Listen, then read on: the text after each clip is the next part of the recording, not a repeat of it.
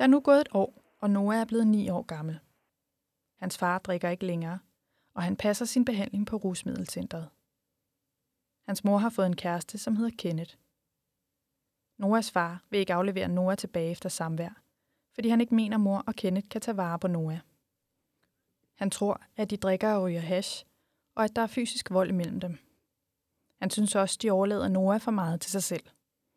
Noah har tidligere haft udadreagerende adfærd i skolen, men er på det sidste blevet mere trist og indelukket, skriver skolen i en udtalelse. Det besluttes, at Noah skal anbringe sin plejefamilie. Noras far er enig. Hans mor er uenig. Sagen kommer i børne- og ungeudvalget, som følger forvaltningens indstilling om anbringelse.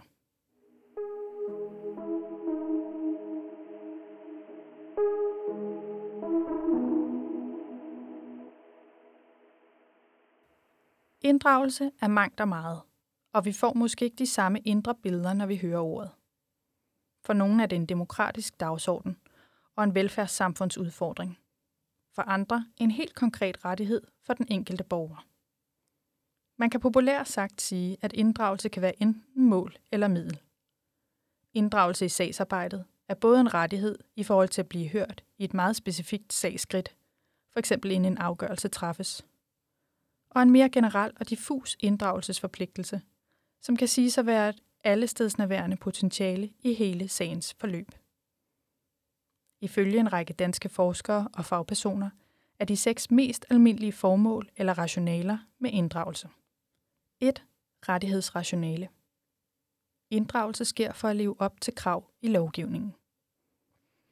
Dette rationale hænger sammen med, at børn og unge siden 1990'erne i større omfang har fået rettigheder i international og national lovgivning. Inddragelsen udspringer især af krav for børnekonventionen, serviceloven, retssikkerhedsloven, lov om socialt tilsyn og den kommende barnets lov. 2. Vidensrationale. Inddragelse sker for at få kvalitet i den sociale indsats. Rådgiveren må kende barnets eget syn på sin situation og opnå viden om forældres og barns forudsætninger og behov for at kunne udvælge og tilrettelægge en indsats og tilbyde den bedst mulige hjælp. 3. Effektivitetsrationale. Inddragelse indgår som en del af et effektivt sagsarbejde. Barnets og forældrenes aktive medvirken er afgørende for, at en indsats lykkes. Et barn og forældre, der har været inddraget i at fastlægge problemdefinition, opstille mål og vælge indsatser, vil i højere grad forventes at bidrage aktivt til at løse problemerne. 4. Relationsrationale. Inddragelse sker som en del af det relationelle arbejde. Inddragelse kan bidrage til at skabe en god relation mellem barnet og rådgiveren. 5. Demokratirationale. Inddragelse indgår som en del af de demokratiske rettigheder. Børn og unge betragtes i stigende grad som subjekter frem for objekter i socialt arbejde. Barnets mestringsevne og selvværd styrkes gennem inddragelse og kan give en oplevelse af at være en aktiv borger i samfundet med lyst til at blande sig i beslutninger af betydning for eget liv. Det rationale kan også ses i et empowerment-perspektiv. Socialt integrationsrationale. Inddragelse som forudsætning for social integration i samfundet.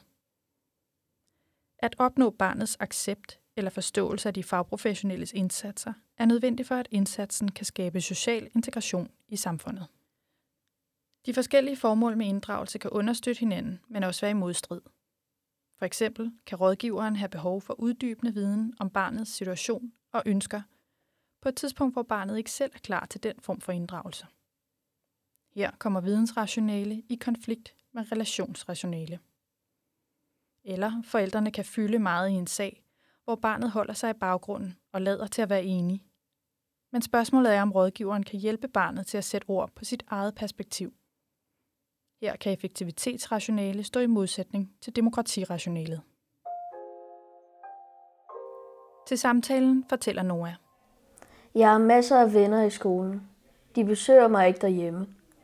Jeg gider ikke gå i SFO, men jeg vil rigtig gerne gå til fodbold.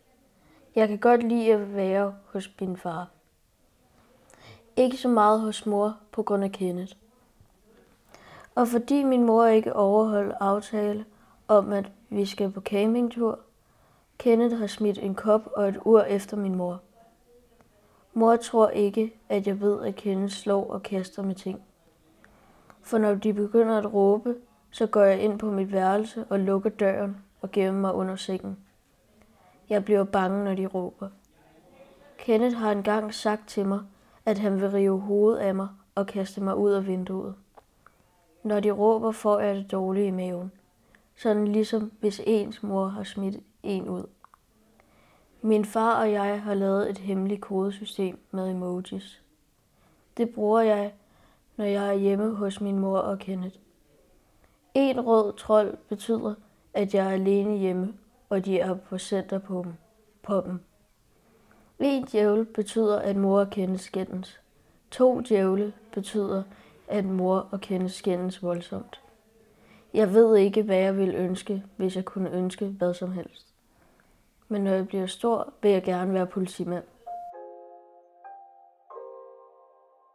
I en status fra familiebehandleren fremgår det. Nora og forældre har gået i familiebehandling i familiehuset, indtil Nora blev anbragt i plejefamilien. Forløbet er bestået af samtaler med hele familien og med Nora og hans forældre hver for sig. Det er min oplevelse, at Nora fremstår ukritisk i kontakten.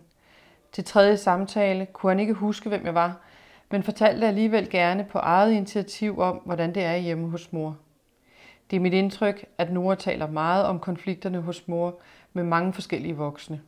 Det er min oplevelse, at han ikke formår at mærke efter, hvad det gør ved ham indeni.